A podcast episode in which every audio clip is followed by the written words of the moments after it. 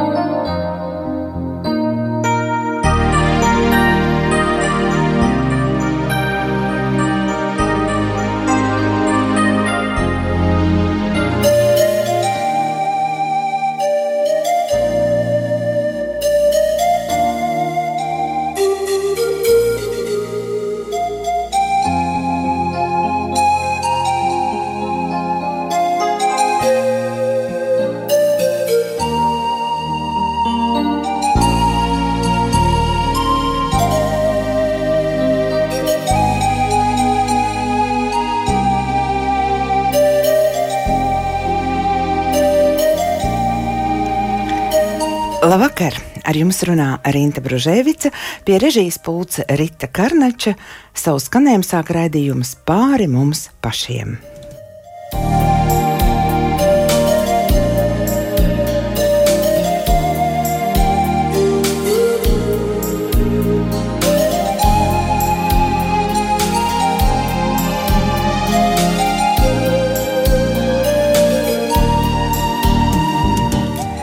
Neskaitāmi savā dažādībā ir cilvēku dzīves ceļi. Pasaulē nesot atrodamas divas pilnīgi vienādas koka lapas. Tāpat nav divu pilnīgi vienādu cilvēka dzīves gājumu. Bet dzīves ceļu virzieni un mērķi gan var būt vienādi daudziem cilvēkiem. Sveitīgi tie, kas dzīvo tavā namā, saka Dāvids 84. psalmā. Bibliskais princips kristiešiem ir būt draudzē. Kāda ir draudzes loma ticības ceļā? Kāpēc ir svarīgi kristietim piederēt kādai draudzēji? Pēc kādiem kritērijiem izvēlēties savu draugu? Meklēsim atbildes kopā ar raidījuma viesi. Sarunā attālināti piedalās Liepājas Svētās Annas Lutāņu draugs mācītājs Jānis Bitāns. Labvakar, Jāni! Halo! Mums laikam šobrīd sakars ir pazudis. Meklēsim tevi rokā vēl vienreizīti. Un šobrīd sarunai mums ir pievienojies mācītājs Jānis Bitāns. Jāni, labvakar, tu mūs dzirdi? Dzirdu, labvakar. Ļoti jauki. Tā tad saruna par draugu. Atgādināšu tematu, kāda ir draudzes loma ticības ceļā. Tad kāda ir draudzes būtība tavuprāt? Nu, ja runa ir par draudzes būtību vai lomu ticības ceļā, nu, tad jāsaka, ka nu, tā ir neaizvietojama. Faktiski draudzene ir kaut kas, kas nav fakultatīvs, bet caur kuru vispār notiek cilvēka nu, pestīšanas brīnums, noslēpums un notikums. Mm, jā, tik īsts raksturojums. nu, īstai nozīmē, ka draudzene jau ir faktiski tas. Uh, Jā, kas tiešām ko... ir draudzene? Ko mums var saprast ar šo vārdu? Nu, principā jau vārdam draudzene, tāpat kā vārdam baznīca, ir ļoti daudz nu, dažādas nozīmes. Nav, nav tās nav pretrunīgas, bet paskaidrot ļoti dažādos draudzes aspektus. Es domāju, ka valsts institūcija priekšā draudzē ir institūcijas status, draudzē var būt uh, noteikti cilvēku kopuma status. Draudzē var būt tieši tādā pašā veidā arī uh, lielāks, nu, teiksim, status, ka draudz veido dažādu kopienu, kopība, uh, kā mēs to redzam dažādās nu, konfesijās, ka ir atsevišķas kopienas, draudzītes, kas veido visu draugu, nu, lielo, lielu draudzi, jeb baznīcu. Mm. Un vārdam draudz ir nu, varbūt arī vēl lielāks un plašāks uh, mērogs, uh, proti apzīmējot to Kristus noslēpumaino klātbūtni virs zemes, uh, kurā viņš ir klātesošs savā baznīcā, caur katru savu ticīgo un vienlaicīgi arī caur Dievu vārdu un tām svētdarbībām, sakramentiem, kurus Dievs ir iedibinājis un atstājis kā, kā pavēles, kā novēlējums, ko ticīgiem praktizēt. Un mēs par draudzi varam runāt arī vēl plašākā mērogā, kā par visu ticīgo vienību, gan tiem, kas jau ir triumfējošā baznīcā debesīs, un par tiem, kas vēl ir cīnītājā baznīcā uz zemes. Mm, jā, tātad tu teici, ka draudze ir institūcija, tātad var teikt, tā ir organizācija, un tajā pašā laikā arī tas ir kāds vertikāls lielums. Protams, draudze primāri ir garīgs lielums. Un, un, un, un tikai pēc tam atbilstoši nu, tai vidē vai vietai, kurā draudz atrodas, nu, tā iegūst kaut kādu statusu. Mēs zinām, ka pirmos turpat vai trīs gadsimtus tā bija vajāta vienība, un tai bija viens status, uh, tur, kur ir kristietība starp citām reliģijām atzīta, tur ir cits uh, vai kāds reliģisks konfesijas status un tā tālāk, tā tālāk. Mm -hmm. un, un pats vārds draudzene, es atceros, kad ir nā, cēlies no grieķu vārda eklēzija. Ja, tā tā, tā Jā, ir rakstīts jaunajā derībā. Un, un tam nozīme ir tā kā nu, nošķirtie vai ārā izaicinātie. Kā to saprast?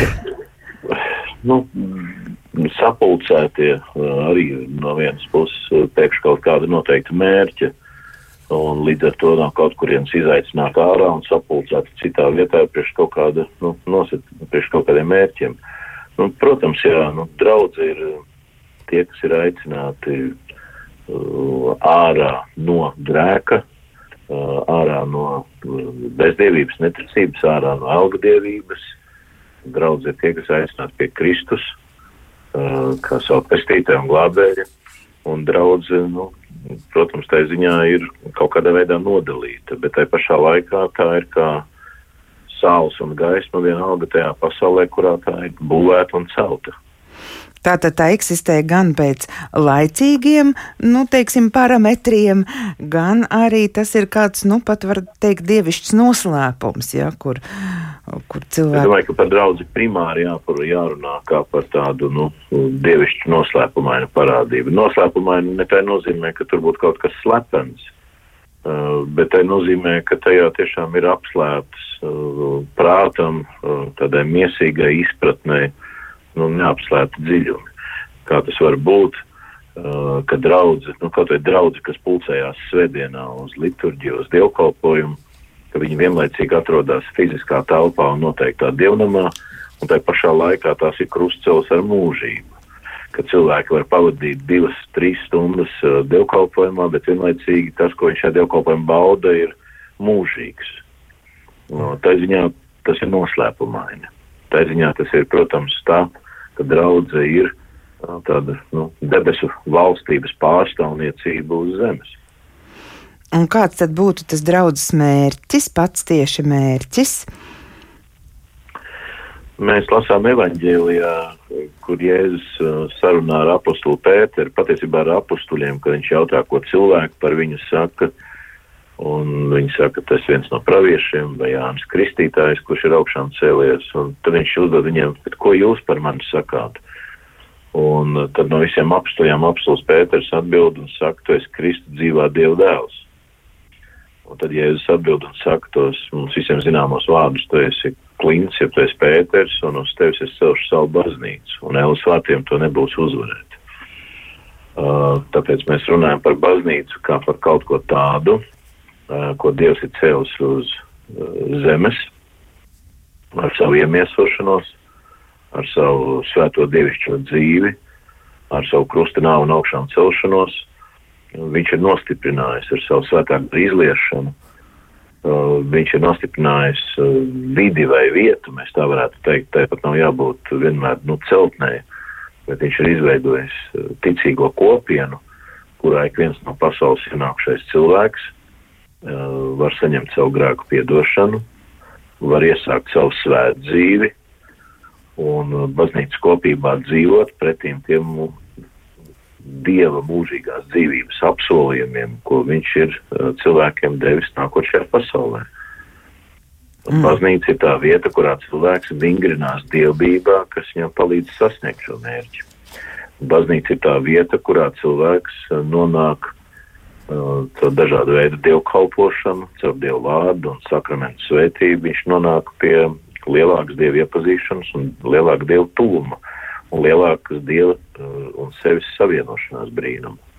Mm, tātad visiem, kas meklē dievu tuvumu, kas meklē kaut ko augstāku pāri par sevi, ja pāri mums pašiem tā sauc raidījums, tieši draudz būtu tā vieta, uz kurieni jādodas. Bet kāpēc Jēzus tieši Pēterim teica, ka viņš ir tā klints un uz šīs klints mēs, ir? Mēs jau redzam tajā rakstu vietā, ka tā ir tāda, nu, Dieva providence un apredzība, kurā viņš nu, konkrēti vienam apustulim atklāja, to, kas ir, kas ir Kristus, to, kurš uzdod šo jautājumu, un apustulis Pēters, kad ir atbildējis, tu esi Kristus dzīvā Dieva dēls, tu esi tātad svaidītais, tu esi mesija, tu esi tas, kurš ir gaidīts, un uh, tad viņš arī atbild, tu esi nevis miesa un asins tev to atklāja, bet mans tēvs, kas ir debesīs. Un te vienmēr ir bijis mazliet baznīcā nu, tāds disputs starp dažādu austrumu un rietumu pušu kristiešiem, kādreiz arī starp konfesiju pārstāvjiem, vai šeit izteikti runa ir par Pētera personību, kurai atklāja, vai šeit ir vairāk runa par to saturu vai lietas būtību, ko Pēterim kā nu, personībai Dievs atklāja. Un es domāju, ka nu, atbilde ir, nu, ka te gan viens, gan otrs. Jā, jo no sākuma, vai ne, Pēterim arī ir atklāsme, jo viņš, nu, saprot, kas ir Kristus, jā, un to pasaka, tas, tas ar caur atklāsmi viņam nāk, un tālāk atkal nākamā atklāsme par draudzi, vai ne? Tās lietas tomēr kaut kur tā varās vaļā caur tādu, nu, var teikt, atklāsmi, tas vārds. Nu, no caur atklāsmi tas ir viens, bet uh, mēs jau lasot apusturi Pāvila vēstulēs ļoti skaidri ieraugam to, ka tad, kad Kristus nāk pasaulē, Viņš ir pasaules gaisma. Un, uh, viņš ir tas, kurš uh, atnes vēsti no debesīm. Viņš ir tas, kurš uh, pasaka uh, patiesību visiem cilvēkiem. Viņš ir tas, kurš saka, es esmu ceļš iepratī jūsu dažādiem ceļiem, priekšstatiem un, kaut kādiem domām par to, kā sasniegt mūžīgo un pārpasaulīgo. Uh, Viņš saka, es esmu durvis.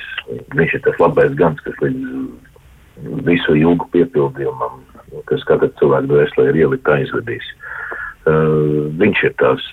Bet mēs zinām, ka tad, kad kungs zina, ka viņš šo pasauli atstās un pēc savas augšām celšanās sēdīsies pie tēva labās rokas un kāps debesīs, un mēs to vienmēr svinam debesu braukšanas svētkos, tā tāda nu, mūsu pestīšanas viena no noslēpumiem. Uh, Tad viņš vienlaicīgi arī saka, es jūs neatstāšu bāriņus, es sūtīšu svēto garu. Viņš saka, es lūkšu tēvu, pareizāk sakot, un precīzāk, viņš sūta svēto garu. Un uh, tas būs jūsu aizstāvis, tas būs jūsu iepriecinātājs, tas, jūs, tas būs jūsu mierinātājs. Un svētais gars ir tas, kurš sapulcē draudzi, baznīcu. Un apustulis Pāvils saka, ka draudze ir Kristus noslēpumainā miesa.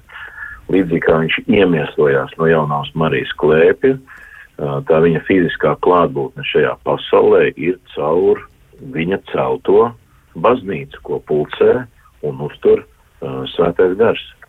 Tad būtībā draudz. Runāt par tādu atrautību. Mēs sakām, uh mhm. -huh. Kristus ir savas draudzes galva.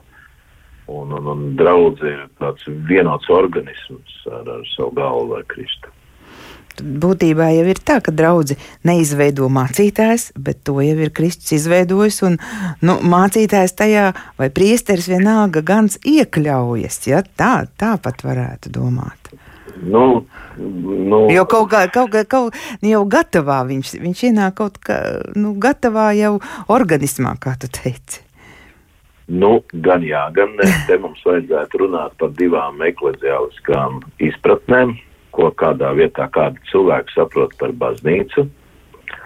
Uh, es pilnīgi pievienojos tai domai, ka cilvēks ienāk iekš kaut kā, kas ir pastāvējis pirms viņa, un tādā ideālā gadījumā un patiesības gadījumā, ka tas ir pastāvējis no paša Kristus laika. Bet ļoti bieži pastāv arī cits draudzes uh, ieskats vai formulējums, proti, ka cilvēki ir, uh, kā saka, no baznīcas mantojuši svēto rakstu kanonu, un tad, balstoties uz svēto rakstu tekstiem, šī teksta zināma interpretācija veido kaut kādu ticības kopību. Un nebūtu nevienmēr šāda sludināšana ir obligāti ciešā saistībā ar to baznīcas mantojumu, kurš nāk no Kristus un caur, apus, caur apustuļiem līdz pat šai dienai. Un mēs zinām arī tādu vienkāršu draugu veidošanās principu, kā piemēram to, ka cilvēki veido kopienas, viņi sāk sludināšanas darbu, izvērš teiksim, misijas lauku, pasniedz to mācību, kādu viņi pasniedz balstītu svēto rakstu tekstos. Un bieži vien tām draudzēm nav tādu vēsturisku tiešu saišu vai pēctecības, teiksim, ar to, baznīcas pārmantojamību, nu, kāda ir tajā baznīcā, kur mēs saucam par apustulisko. Un te būtu tās divas lietas jānodala, ka nevienmēr cilvēks varēs aiziet uz savu draudzi, pasakīt, ka izsekojot šīs draudzes pastāvēšanu līdz tās saknēm, viņš nonāk līdz kādam no apustuļiem viņš varētu nonākt līdz kādiem draudzes vai konfesijas dibinātājiem, bet um, katrā gadījumā ne līdz apustuļiem un caur to līdz pašam Kristum. Te ir tāda atšķirība, te ir tā atšķirība starp apustuliskajā tradīcijā pastāvējušām un nonākušām draudzēm un tām, kas ir varbūt veidojušās balstoties uz kaut kādiem fragmentiem no vēsturiskajām baznīcām konkrēti, um, nepaturot varbūt baznīcas visu pastāvēšanas pieredzi, mantojumu, bet tikai svētos rakstus savā interpretācijā. Tās ir divas atšķirīgas lietas. Mēs to ļoti labi redzam praktiski, praktiski no sev apkārtējā vidē, ko mēs saucam par kristīgo pasauli, ka ir baznīcas, kuras var caur saviem bīskapiem izsekot līdz apstuļu laikiem, un ir tādas, kuras var izsekot līdz kaut kādiem savu draugu apvienību vai kongregāciju vai kopienu dibinātājiem. -hmm. Draudzi mēdz saukt arī par garīgo ģimeni vai garīgo namu. Kur ir tie krustpunkti ģimenei vai namam ar draudzi? Uh, es domāju, ka nu, viena no tām lietām, uh, ko mēs noteikti varam uh, saredzēt tā, kā tādu paralēli ģimenē un draudzē, nu, ideālā gadījumā tam tā vajadzētu būt gan ģimenei, gan draudzē. Un mēs nu, turēsimies pie tās laktiņas, nu, kuru mums Dievs ir atklājis. Apostols Pāvils runā par cilvēkiem draudzē, kā par dažādiem locekļiem vienā miesā.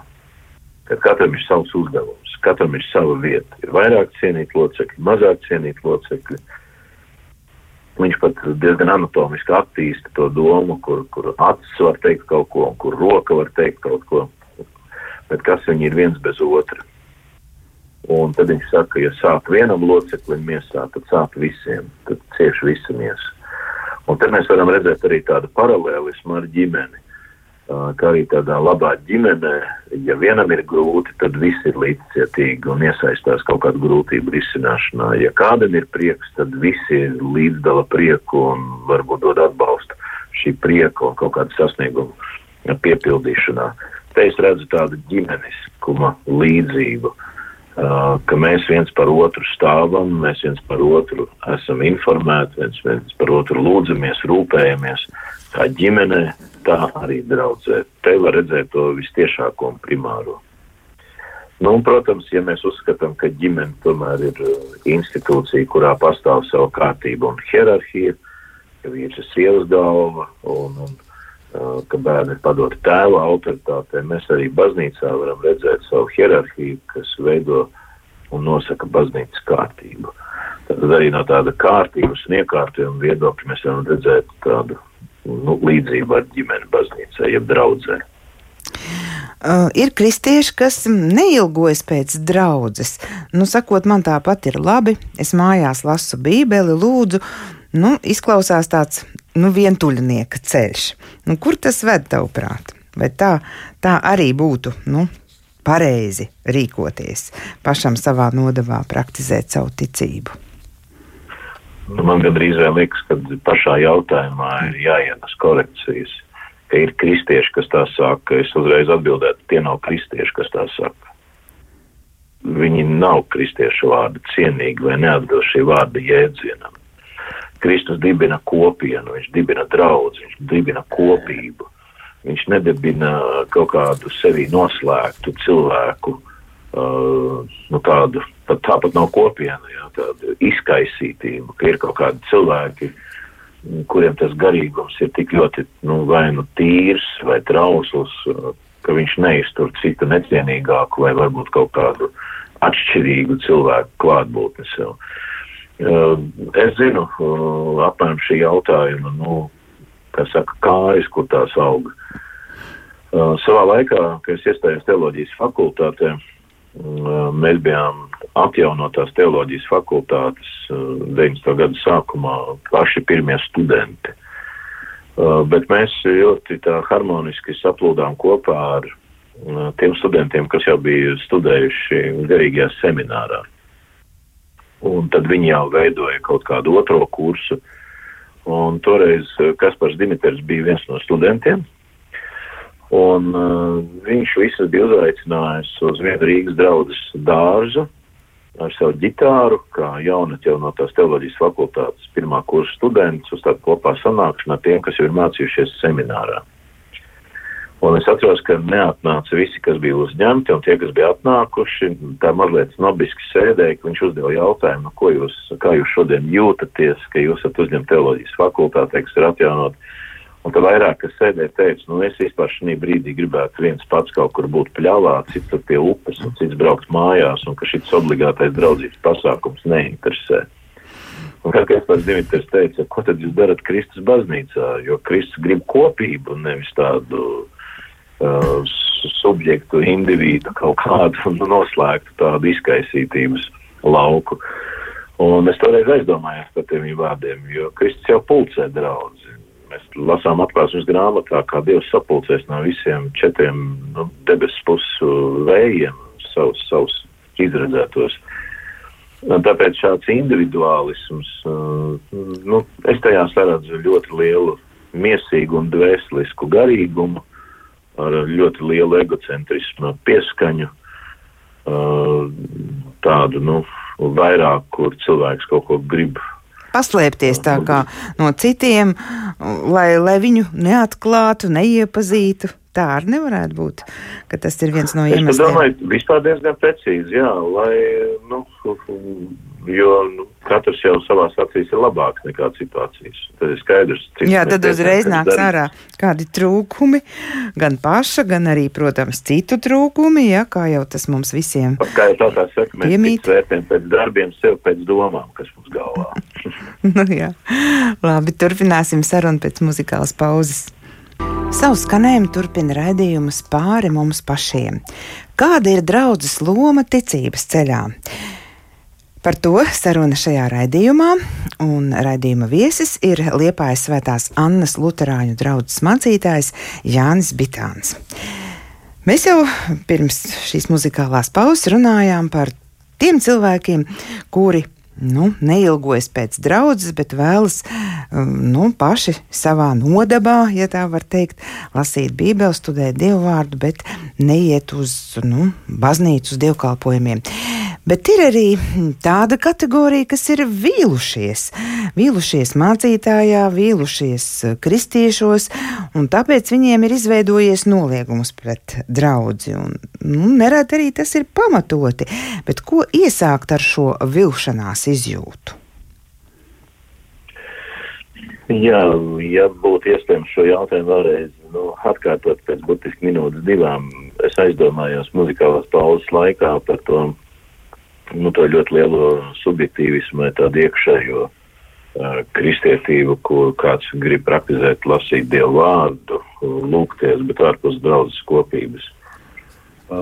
Es padomāju par to situāciju, ko man stāstīja kāds cilvēks, kurš ilgākus gadus bija pavadījis netālu no Palestīnas uz Sīrijas pusi. Uh, viņš teica, cik ļoti interesanti redzēt, uh, ka svētdienā, kur sanāk vienkāršā tauta uz dievkalpojumu, vienlaicīgi uz dievkalpojumu ierodās tie vientuļnieki, kas dzīvo atsevišķās, nu, tādās eremītu mājās, vai nu viena paša vai ko, kopībā trīs, četri cilvēki, vai varbūt kāds tāds uh, pieredzējušāks uh, tēvs, kur, kurš, kuram ir uzticējušies savā garīgā dzīvē kādi mācekļi, uh, ka viņi iznāk ārā no turienes un atnāk uz vienu ciema baznīcu piedalīties dievkalpojumā, jo šajā dievkalpojumā ir kaut kas, uh, ko viņi savā vienatnē nevar izdzīvot, lai cik viņi būtu personiski nodevušies Dievam. Uh, ja, piemēram, tie ir tādi nu, cilvēki, kuri nav garīdznieki kārtā, nu, viņi nevar saņemt tādu dievu ieceltu un svētītu kalpa svētību vieni paši, ja viņi nav, teiksim, dievnamā. Viņi nevar baudīt svēto vakarēdienu.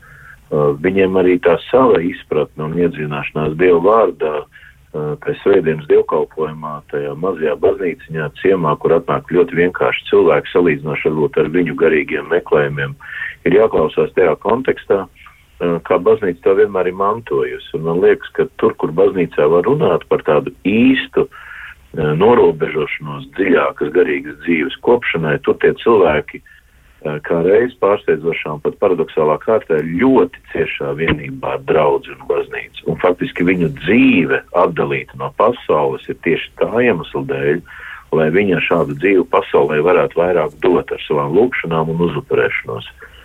Uh, un es nedomāju, ka tie cilvēki, kas kaut kā snobiski uzskata, ka draudzi nav viņu cienīga, vai Latvijai tikai daži mācītāji, kuri ir viņu kā draudzes locekļu cienīgi, uh, ka tas varētu būt tāds atskaites punkts. Vienkārši kristietība, kuru nav iespējams nemaz neizdzīvot, ne piedzīvot bez piedarības baznīcai. Jā. Bet attiecībā uz tiem, kas ir vīlušies, mm -hmm. uh, nu, ste, Klējs Stēpls Luis uh, vienā no saviem rakstu darbiem uh, sacīja tā, viņš teica, nu, ja reiz tu, mīļais draugs, zini, kas baznīcā ir nepareizi, iekš kā var vilties, ka tu ieraugi kļūdas, kas tev rada sašutumu, tad jau acīm redzot, tu zini, kā ir pareizi. Tad jau acīm redzot, uh, tavs prāts un sirdsapziņas saka priekšā, uh, kā būtu ideāli vai kā tas būtu nu, nepieciešami.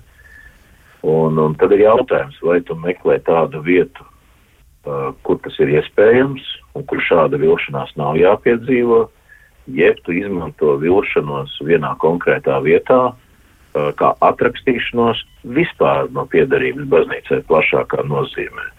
Jo argumentējot ar vienu lokālu vai dažām lokālām vilšanās reizēm, nu, tu tā ļoti tā legālistiski pamato savu nu, tādu nošķiršanos.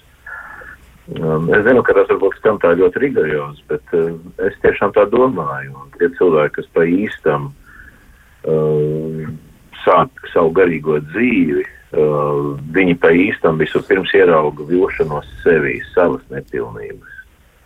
Un tad, kad tās ierauga visā patiesībā un jā, nu, negatīvajā krāšņumā, uh, tad nemaz vairs tās citas ārpusē neliekas tik šausmīgas un briesmīgas.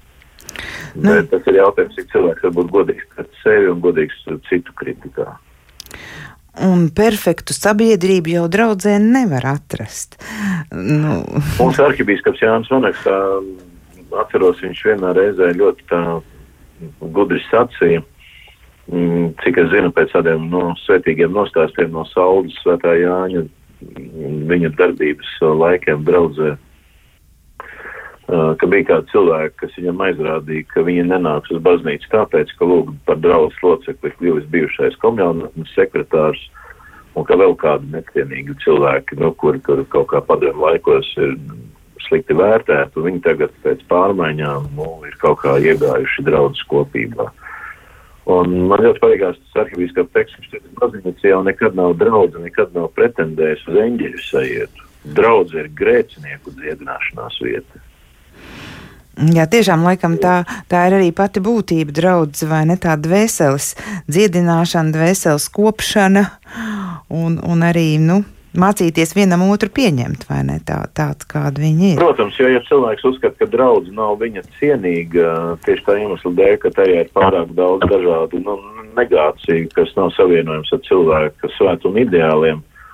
Ja viņš nemelo, viņam vajadzētu pacelties debesīm, pievienoties eņģeļa pulkiem.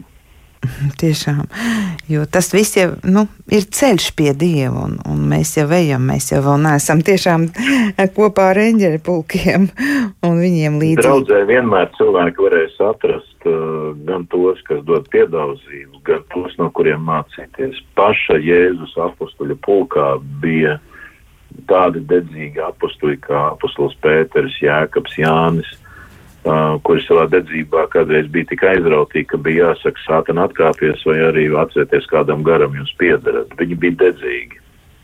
Un bija tāds apustulis kā Jūdijas Karjots, uh, kurš mankārīgos nozagos kopību izmantoja, lai zaktu naudu no kopīgā maka.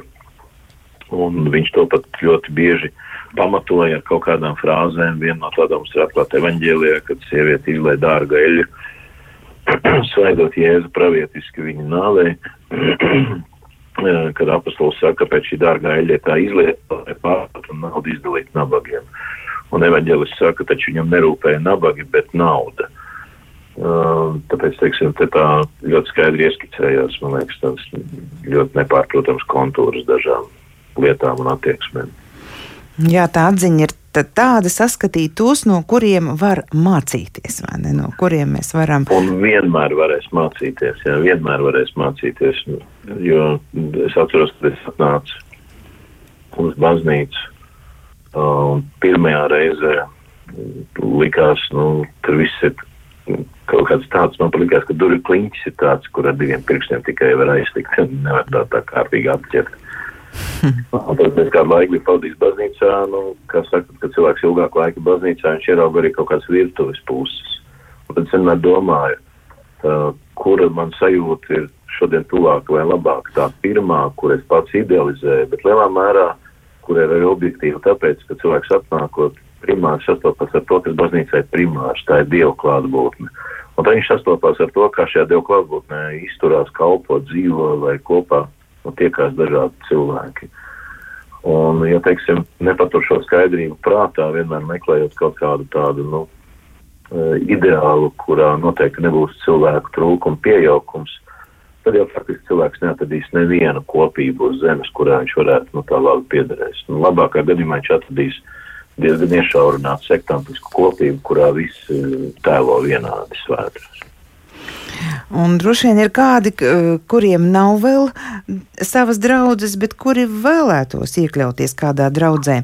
Kāds būtu tavs ieteikums, pēc kādiem kritērijiem tad izvēlēties savu draugu?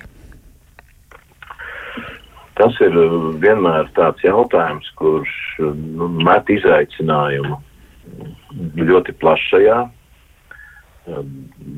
draugu līdzās esībā, konfesionālajā līdzpastāvēšanā, kuri tad būtu.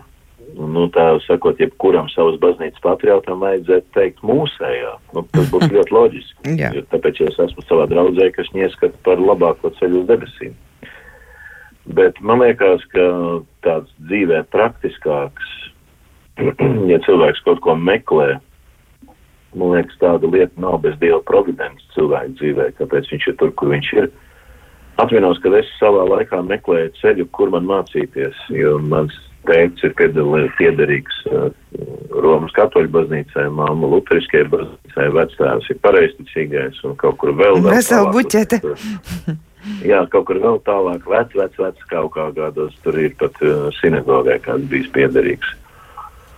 Un es atceros, ka tad, kad es biju pašos savos ticības ceļu sākumos, es uh, uh, gāju uh, Pirmais gājiens bija pie viena priestera, tāpat Rīgā Alberta baznīcā, nu jau daudz, desmit varētu teikt, nu pāris gadu desmit minimums ir pagājuši, un es teicu, kur man iet mācīties, ja es gribu. Un viņš uzdeva tādu pavisam vienkāršu jautājumu, un es šo jautājumu vienmēr esmu arī atstājis tādu kā tādu atbildi uz to jautājumu, kas man pat ir izskanējis. Kādai ģimenei, kādas, kādas ticības mantojuma ģimenei tu piederi, no kurienes nāk tavs tēvs un māte? Un es domāju, ka tas ir tas pirmais veids vai ceļš, nu, kā meklēt. Protams, dzīvē ir ļoti dažādi gadījumi, kad cilvēki tiek nu, uzrunāti ļoti aktuāli, ļoti nu, tā pārliecinoši un uzsāk savu ticības ceļu, nemaz nepieskaroties šādam jautājumam. Bet man liekas, ir ļoti vērtīgi cilvēkiem, ka viņi kaut ko garīgi meklē, pajautāt, no kurienes es nāku un kas ir bijusi manu tēva, mātes un senču ticība.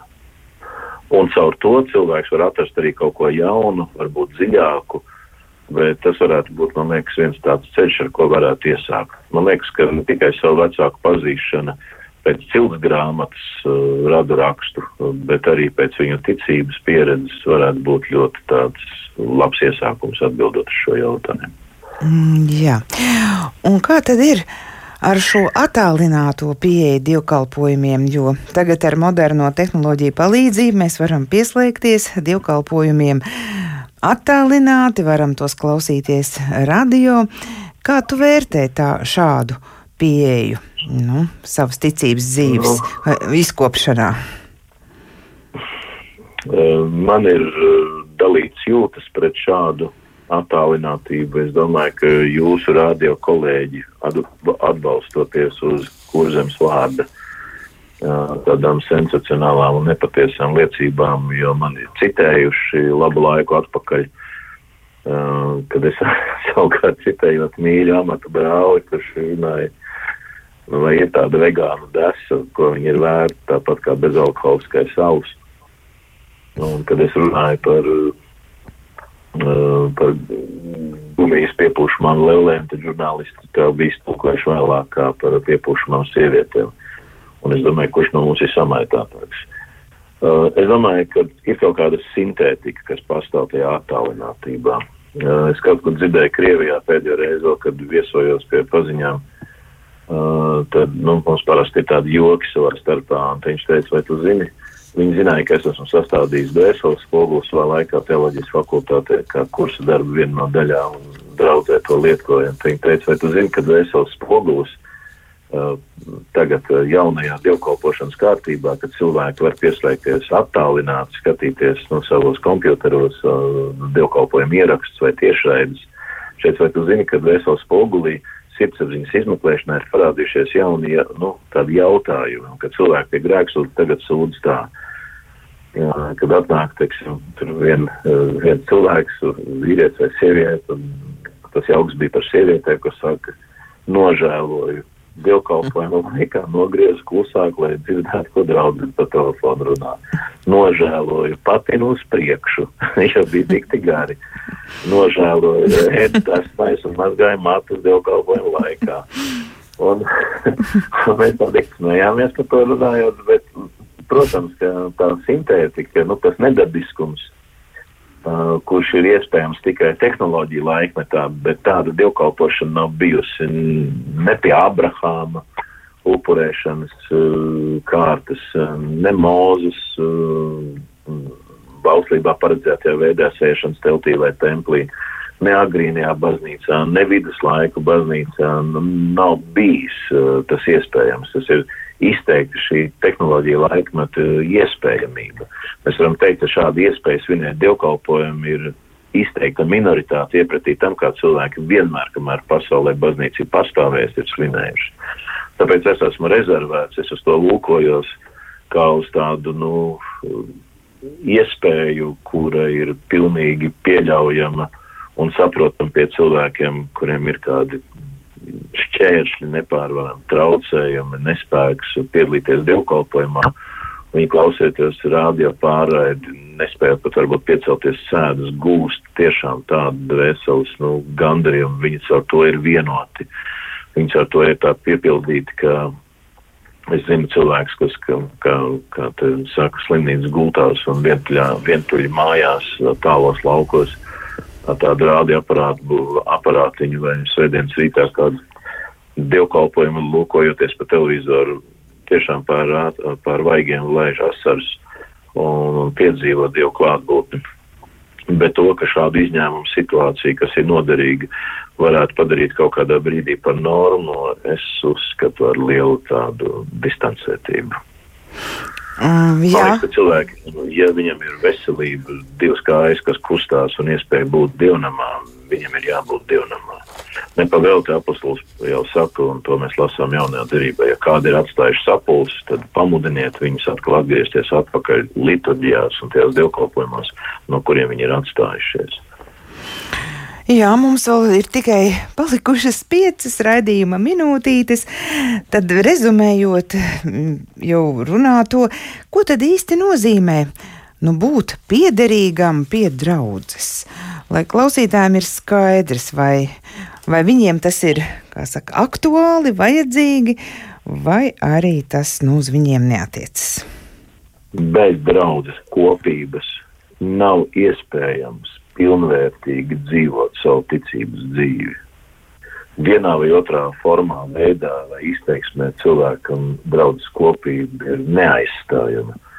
Es domāju, ka ir viens tāds ļoti populārs un dažiem tēviem dažādi izteikts, um, bet ļoti labs tāds apgalvojums, uh, uh, kam draudze, ja baznīca nav māte, tiem dievs nav tēvs. Nu, tas skan diezgan stingri, respektīvi, tu nevari teikt mūsu tēvs debesīs, uh, ja tu savu draugu nevar saukt par savu garīgu māti, kurā tu esi dzimis ticībā, audzis, pieņēmies atziņā, un kurai tu veltīji godājoši savu dzīvi, lai to celtu, lai to kuplinātu, lai to padarītu nu, košāku, atvērtāku priekš cilvēkiem, kas meklē, lai viņi atrastu par vietu, kur ar savām lūkšanām dar to par lūkšanām, kā Kristus ir teicis par svētnīcu. Tā pavisam summējot, es varētu palikt tikai pie šī viena tāda saukļa un apzīmējuma. Kam baznīca nav māte, kam viņa draudze nav garīga māte, kam Dievs nav tēvs. Un tas izslēdz iepriekš pieminētos tādus snobiskus individuālu kristietības kaut kādus izpaudumus. Jā, un tā kā mums vēl ir mazliet laika, es gribu tev pavaicāt par garīgajām dāvanām. Mēs zinām, tās ir vairākas. Vēstulē korintiešiem varam par to izlasīt. Vai tās taču arī ir domātas tieši lietošanai draudzē? Un, ja tu neesi draudzē, vai tad tu vari saņemt kādu garīgo dāvanu? Uh, ir cilvēki, kas dzīvo tādā pārliecībā, ka viņiem ir kādas spējas, kā viņi domā no dieva, pat ja viņi atrodas ārpus baznīcas, ārpus dievu vārdu mācības vai dažādi dievu iestādītas sakramentu svētības. Bet runājot par dāvanām, te būtu ļoti svarīgi izšķirt, ka dāvanas ir uh, no atšķirīgas. Ir tādas dāvanas, kuras mēs saucam par vispārējām dāvanām, kuras Dievs vienādi dāvinājis visiem. Piemēram, Dieva vārds Tā ir tāda dieva dāvana no debesīm, ko viņš ir atklājis un dāvinājis pilnīgi visiem teologiem, vienkāršiem draudzes locekļiem. Tāda dāvana ir arī sakramenti. Kristība viņš ir dāvinājis visiem. Tā neatiec tik uz kādiem garīgi rūtītākiem, pieredzējušākiem. Tā ir visiem - lieliem, maziem, augstiem, zemiem. Tas pats attiecas uz maizi, ko lauž Kristus un biķeri, ko sniedz. Viņš saka, ņemiet, ēdiet, ņemiet, ziet visi visi, kas to dara ticībā. Tās mēs baznīcā uzskatām par vispārējām dāvanām, kuras Dievs ir devis visiem. Un tad mēs varam atrast svētajos rakstos ne tikai korintiešu vēstulē, bet arī citur pieminētās dāvanas. Uh, kāds ir priekšnieks, tad viņš to savu amatu dara tā, ja kāds dalās un dod no savas pārticības, tad viņš to dara tā, ja kādam ir viesmīlības dāvana, tad viņš to izmanto tā. Respektīvi, ka ir virkne uh, dieva svētītas kalpošanas, kuras no vienas puses izskatās ļoti ikdienišķas, bet patiesībā viņam ir ļoti labi augļi. Cilvēks ar viesmīlības dāvanu var uzņemt svētceļnieku grupu nakts vidū un no kā visiem uzklāt galdu. Tā laikā, kad cits cilvēks šo grupu uzņemot, gatavosies ļoti ilgu laiku, ļoti daudz krāsa, pusi pārstrādās, pārceps, pārvārīs, lai izskatītos tikpat jauki kā tas, kuram tā ir dāvana. Un tās sauc par baznīcas darba dienas dāvanām. Un tad ir tās dāvanas, par kurām ir runa korintiešu vēstulē. Tās mēs saucam par epifāniskām dāvanām, tātad tādām zināmām dievu spēku izpausmes dāvanām, uh, brīnumu darīšanu, dziedināšanu, pravietošanu un viss, kas ir tur. Uh, protams, ka baznīcā tas viss ir, bet tikai ir jāatcerās viena svarīga lieta, ka baznīcā man viens uh, harizmātiski noskaņots, orientēts par harizmātisku atjaunotni ļoti degošs mācītājs, Lutrēņu mācītājs no Amerikas sacīja, ievēro brāli, ka dāvanas ir dots nespiekš tā, lai mēs viņas lietojot kaut kur iekšēji par viņām viens otru priekšā priecātos, bet ka īstas dāvanas darbojās tad, kad ar viņām kalpo nevis priekš sevis un savu prieku, bet priekš tiem, kur bez šīm dāvanām pie cilvēkiem nav iespējams padarīt dievu noteiktos darbus un sasniegt dievu noslēgt, no, noteiktos mērķus. Un tad tā dāvana izskatās citādāk. Uh, kad cilvēkam, kuram gribas sludināt, uh, ja viņam liekas, ka ir dāvana sludināt, un viņš ļoti labi to vienmēr dara tikai draudzes vidū, bet nevis ticībai svešiem ļaudīm, uh, nu, tad ir jāpadomā, vai tā ir dāvana. Ir cilvēks, kam ir dāvana mācīt un vadīt ticības dziļumā tos, kas ticību ir iemantojuši. Ir dāvana uh, pat nostāties uz ielas un uzrunāt tā, ka cilvēki nevis paiet garām vai smīkņā, bet pēc trešā teikuma ieklausoties apstājās un aizdomājās. Tad ir tās dā, dāvanas ir domāts priekš tā, lai mēs ar pārdabisku dāvanu spēku apveltītu, sasniegtu pārdabiskus dievu no, noteiktos mērķus. Bet citreiz var redzēt, ka dāvanas atkal kaut kas tāds, par ko cilvēki nu, šaurā draudzes kopībā priecājās tikai savā vidū un starpā. Nu, ja jau tā garīgās dāvāns ir domāts otram par svētību, vai ne? Tieši tā, tas ir tas, ko mēs lasām. Mm, tā ir domāts priekš tā, lai mēs celtu draudzi un būtu par svētību un lai arī realizētu savu aicinājumu šajā dzīvē. Jo aicinājums jau var cieši saistīts ar dāvanām. Jāni, liels paldies par piedalīšanos raidījumā. Atgādināšu klausītājiem, ka sarunājos ar Liepājas svētās Annas Luterāņu draudzes mācītāju Jāni Bitānu. Lai jums izdodas realizēt savu aicinājumu, vispār to satvert un tiešām tad arī visā pilnībā realizēt un tālāk atrasts, kas vēl nav atraduši savu draugu, un kam, kas jau ir draudzē, tad tiešām lai saskatītu tos, no kuriem jūs varat mācīties un garīgi augt. Radījumu vadīja Rīta Bružēvica, par labskaņu rūpējās Rīta Karnača ar labvakar!